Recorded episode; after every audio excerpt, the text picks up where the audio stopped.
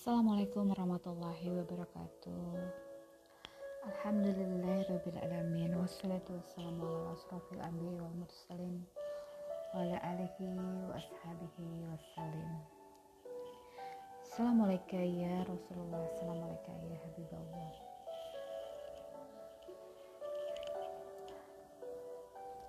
Saat ini sahabat podcast kita akan membahas uh, bagaimana pentingnya kita bersolawat kepada Rasulullah Sallallahu Alaihi Wasallam.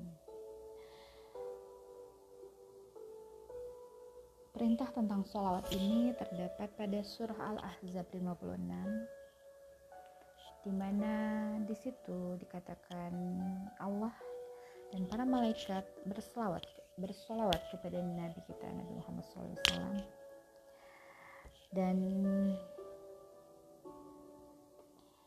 ini menjadikan uh, sebuah acuan kerangka berpikir kita bagaimana kita memahami makna sholawat ini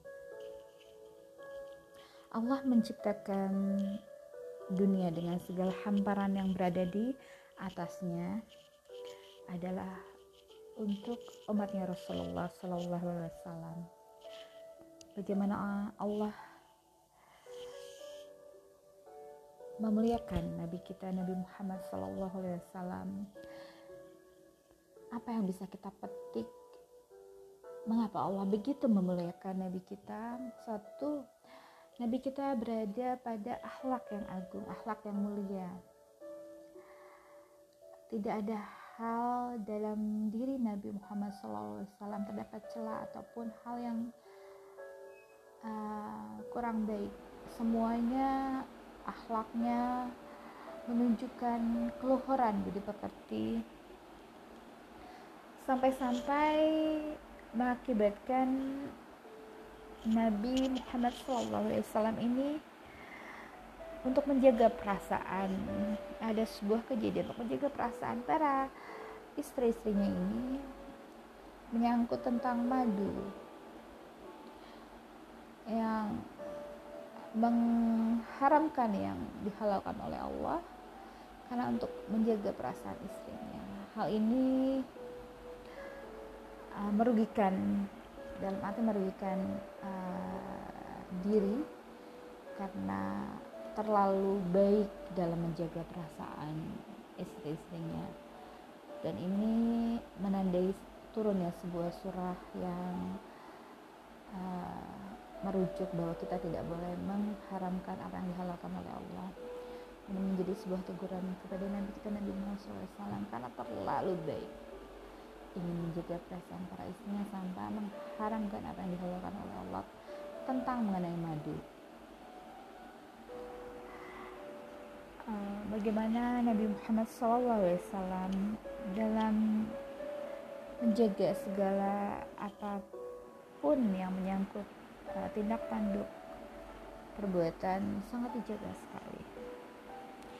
Dikatakan bahwa uh, akhlaknya Nabi bisa kita baca dalam surah Al-Mu'minun dari ayat pertama sampai dengan ayat ke-10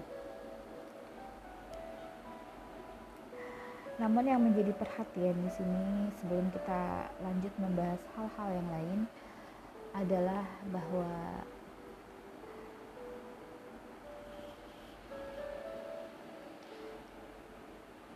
bahwa keluhuran budi pekerti Nabi Muhammad SAW ini uh, menjadi sebuah uh, kesempurnaan ciptaan Allah.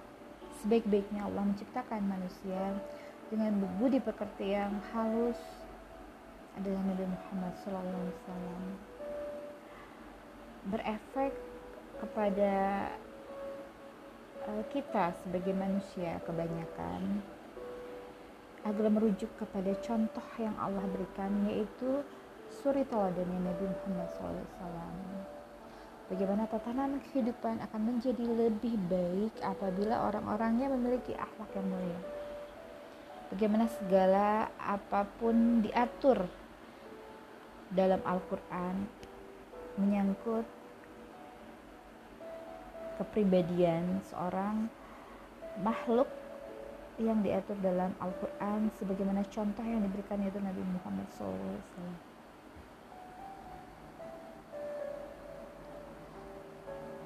Apabila kita memiliki uh, sebuah panglima, andai kita memiliki sebuah kerajaan, kita memiliki seorang panglima yang begitu uh, halus begitu kertinya, begitu baik cara bekerjanya, begitu baik dalam memimpin uh, pasukannya tentu kita akan membanggakan panglima ini kepada pujangga-pujangga yang menyertai kita atau disebut dengan para malaikat yang berada di uh, mendampingi kita. Nah, hal ini menjadikan sebuah pemikiran untuk kita bahwa kita pasti akan Eh, mengeluh-ngeluhkan panglima tersebut kita akan mengenalkan dan menjadi suatu penghormatan dengan memberikan salam hormat setiap saat untuk para pujangga ataupun orang-orang yang melingkupi kehidupan dalam kehidupan kerajaan tersebut untuk memberikan rasa hormat kepada orang yang telah berbuat kebaikan dalam menjaga segala hal yang melingkupi kehidupannya. Inilah sebuah uh, kesempurnaan dalam penciptaan dari dari sisi mana pun dari akhlak dari paras dari semua hal yang uh, bisa kita gali semuanya hal kebaikan. Sampai dikatakan bahwa keringatnya Nabi Muhammad SAW bagaikan minyak wangi yang ditadah oleh seorang uh, sahabat yang Nabi. Jadikan minyak wangi semua yang ada pada diri Nabi Muhammad adalah suatu hal yang istimewa. Pantaslah bagi kita untuk berselawat kepadanya dan sangatlah pantas. Karena bukan hanya sebuah perwujudan dari akhlak yang mulia namun apa yang menghasilkan dari sebuah akhlak yang mulia? Selamatnya kita dalam kehidupan ini, dalam mengarungi kehidupan ini, dalam kita ber uh, beradab, dalam kita uh, melakukan segala sesuatu untuk menyelamatkan kita dari siksa api neraka dan dari uh, merugikan orang lain. Bagaimana itu semua diatur?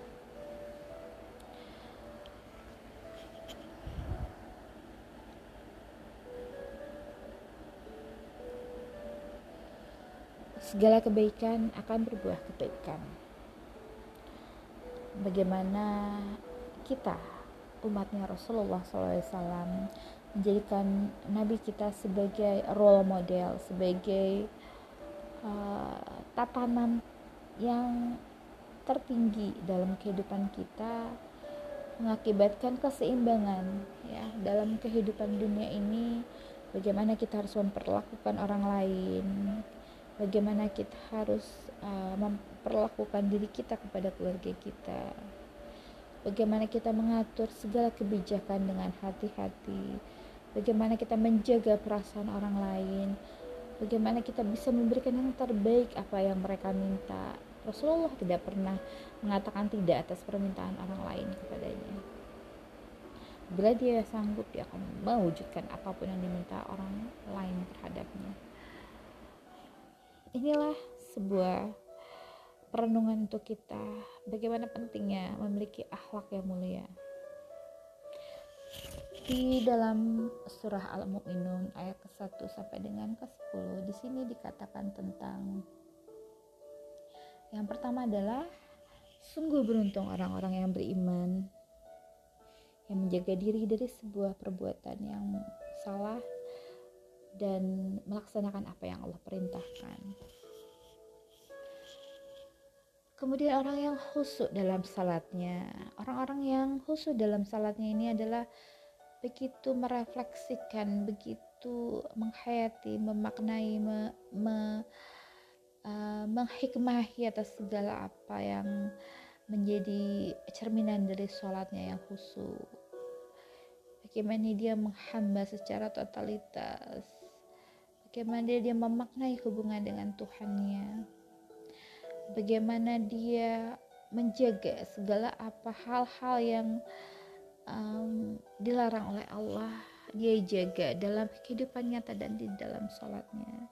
Bagaimana dia harus menyatukan pandangan menyatukan gerakan menyatukan hati menyatukan hati dengan lisan dengan pikirannya untuk khusyuk menghadap Allah memasrahkan segala apa yang menjadi uh, kekurangan manusia tersebut menyadarkan kepada yang maha tinggi kepada yang maha agung kepada yang memiliki semua kekuasaan.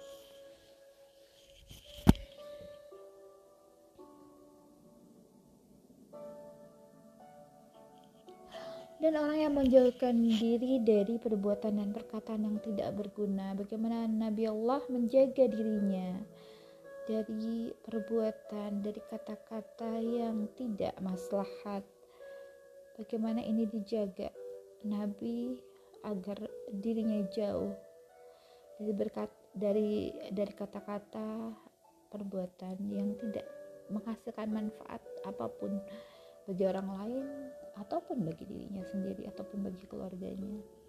Sangat menjaga sekali perkataan dan perbuatan tidak melakukan hal yang sia-sia yang tidak bermakna tidak bermanfaat untuk orang lain. Dan orang yang menunaikan zakat yang menyisikan sebagian penghasilannya untuk orang-orang yang orang-orang yang diberikan um, standar untuk menerima zakat tersebut. Diatur dalam ilmu syariat yang sudah uh, dikategorikan siapa saja yang berhak menerima harta dari zakat ini. Ini adalah sebuah pemerataan menjamin kehidupan orang-orang yang tidak mampu untuk berbagi kepada orang-orang yang kekurangan, memberikan sesuatu yang dimiliki orang yang berlebihan untuk dibagikan kepada orang yang kekurangan adalah sebuah keadilan dengan penuh kehati-hatian dan membagi hal ini ke dalam beberapa aturan. Inilah sebuah cerminan dari sebuah tatanan kehidupan yang sungguh bila dimaknai mengandung keseimbangan yang luar biasa. Bagaimana di ayat kelima dikatakan dan orang yang memelihara kemaluannya bagaimana Islam mengatur sedemikian rupa? Bagaimana harus menjaga kemaluan menjaga pandangan ya? Awalnya dalam menjaga pandangan menjaga uh, pendengaran dari hal-hal yang bisa menjerumuskan kepada kita kepada hal-hal yang dimurkai oleh Allah.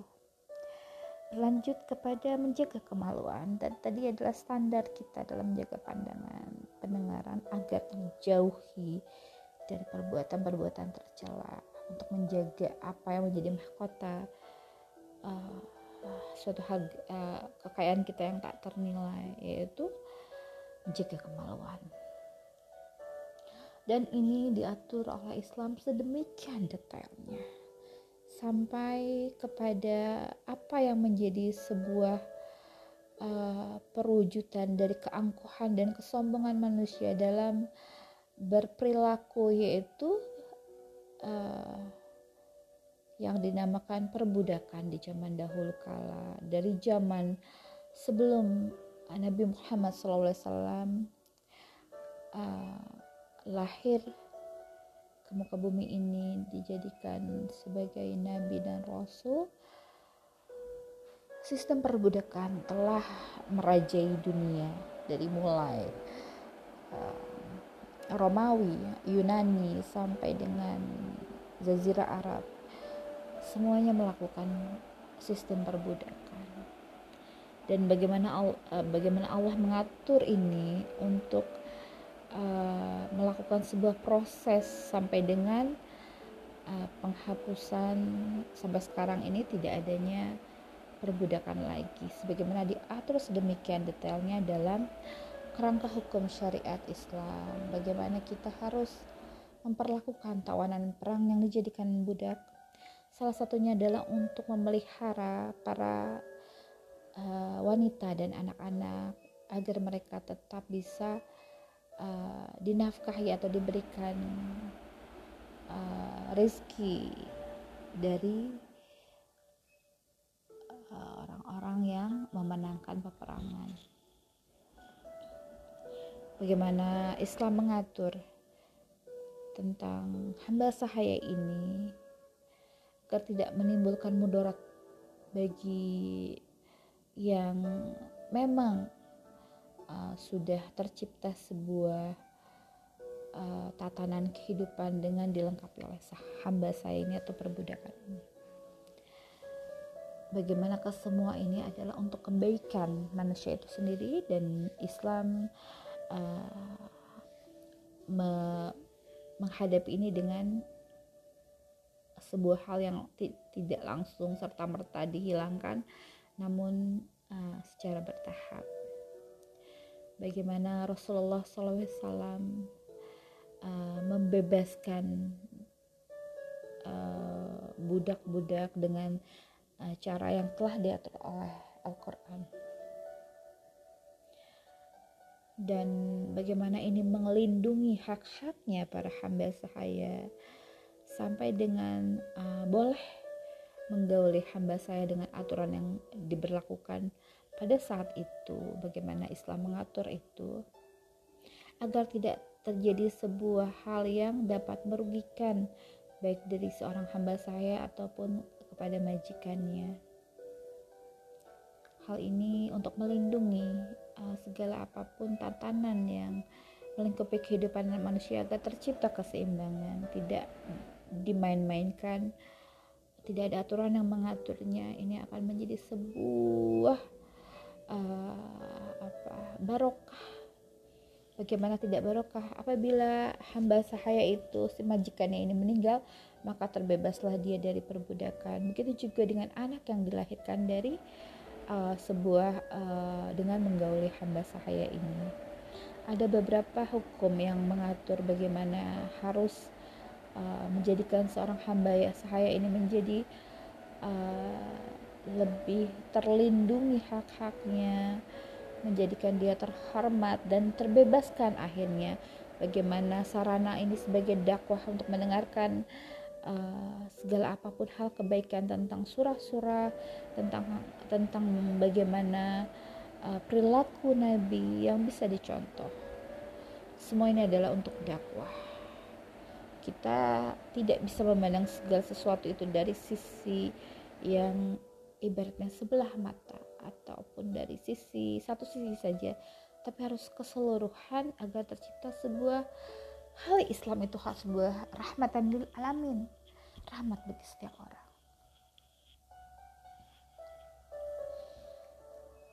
Ya.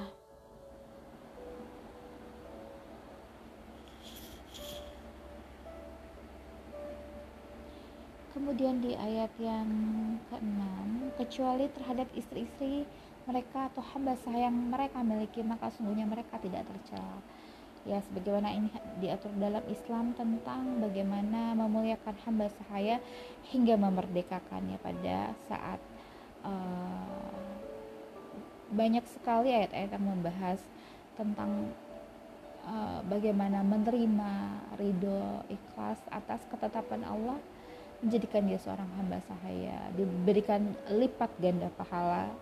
Dan bagi orang yang memerdekakannya ada sebuah uh, apa uh, reward yang diberikan bagaimana pahala yang didapatkannya bagaimana kemuliaan yang didapatkannya bagaimana doa-doa yang dipanjatkan oleh seorang hamba saya untuk seorang majikannya yang berakhlak mulia dan menjadikan dia uh, terlindungi dari segala macam hal-hal yang akan merugikannya.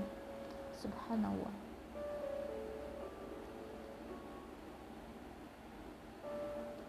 Dan barang siapa yang mencari di balik itu zina dan sebagainya, maka mereka itulah orang-orang yang melampaui batas. Jadi sedemikian Allah mengatur orang-orang dalam uh, berperilaku bila orang tersebut masih menyimpang dan mencari hal di luar itu semua janganlah menjadi orang yang melampaui batas karena di sini dikatakan maka mereka itulah yang orang-orang yang melampaui batas janganlah kita melampaui batasan-batasan yang Allah telah tetapkan. Itu semua demi kebaikan kita sendiri. Bagaimana kita menjaga kehormatan menjaga nasab menjaga kelangsungan hidup manusia. Tidak uh, tidak berpikir dalam sudut pandang keegoan kita keangkuhan diri kita. Karena yang menyebabkan terjadinya perbudakan adalah keangkuhan diri. Bagaimana kita memandang memandang rendah terhadap orang lain. Membeda-bedakan kemampuan orang lain. Bagaimana Islam mengatur akhlak yang harus dikedepankan namun apa yang telah terjadi pada tatanan kehidupan di masa Rasulullah ada di zaman tersebut tidak serta-merta menghapus perbudakan tapi semuanya diatur agar dihapuskan secara bertahap. Dan nilai-nilai kemuliaan ini sangat ditonjolkan untuk melindungi hak-hak para hamba sahaya ini. Dan ini tidak diatur oleh orang-orang kaum musyrikin yang hidup di zaman tersebut sebagaimana mereka tidak punya aturan dalam memperlakukan seorang budak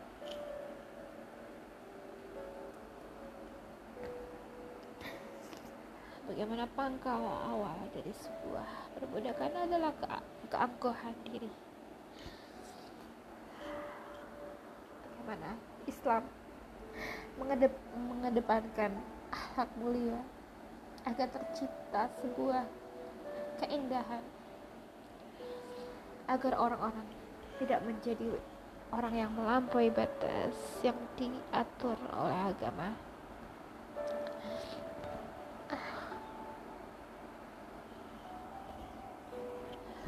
Allahumma salli ala sayyidina wa maulana Muhammadin sallallahu alaihi wasallam.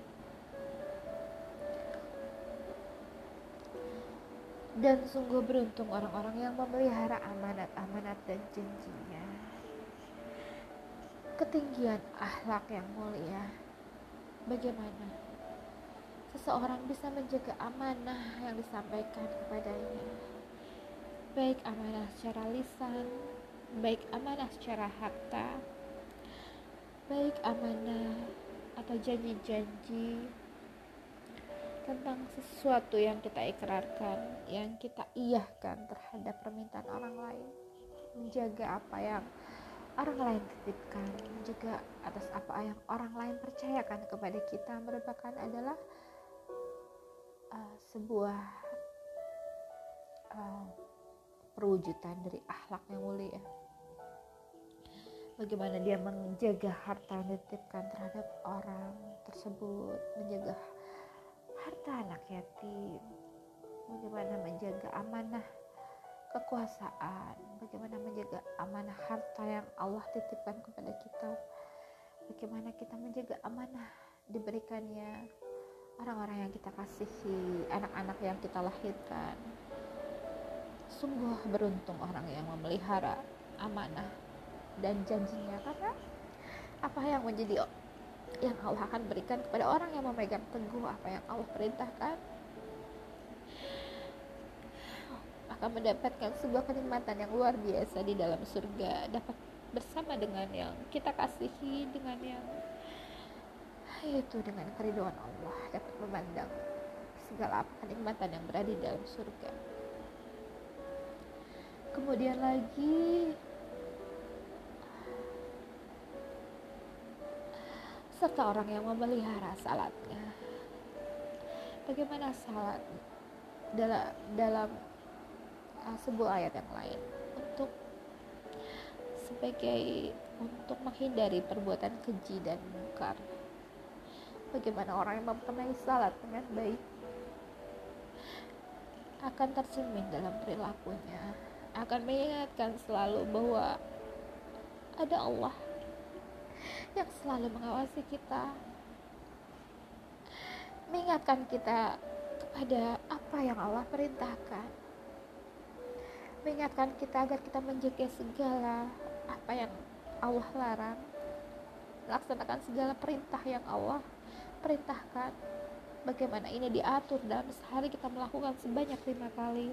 Semoga ini tidak hanya sekedar menggugurkan kewajiban namun menjadi sebuah cerminan atas apa yang Allah perintahkan dan atas apa yang Allah larang untuk kita tidak mengerjakan yang dilarang dan melakukan apa yang diperintahkan. Mereka itulah orang yang akan mewarisi. Amin amin ya robbal alamin. Segala apa yang semua dikatakan di sini akan menjadikan sebuah perwujudan dari akhlak-akhlaknya Nabi kita Nabi Muhammad SAW yang sungguh berada di atas akhlak yang mulia, di atas akhlak yang agung. Allahumma sholli ala sayyidina wa maulana Muhammadin sallallahu alaihi wasallam.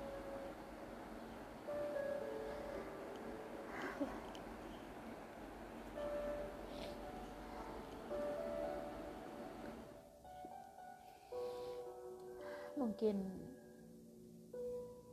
inilah yang bisa saya sampaikan untuk saat ini semoga bermanfaat uh, dan menjadikan refleksi untuk diri kita terutama ya. Bagaimana untuk mewujudkan sebuah tatanan kehidupan yang yang diatur oleh sebaik-sebaiknya aturan yang dalam Al-Quran membahagiakan semua. Dengan penuh kehati-hatian dan dipenuhi rasa kasih dan sayang. Bagaimana akhlak mulia harus dikedepankan menjadi tonggak dalam mengatur kehidupan keadilan kehati-hatian. Inilah pentingnya kita.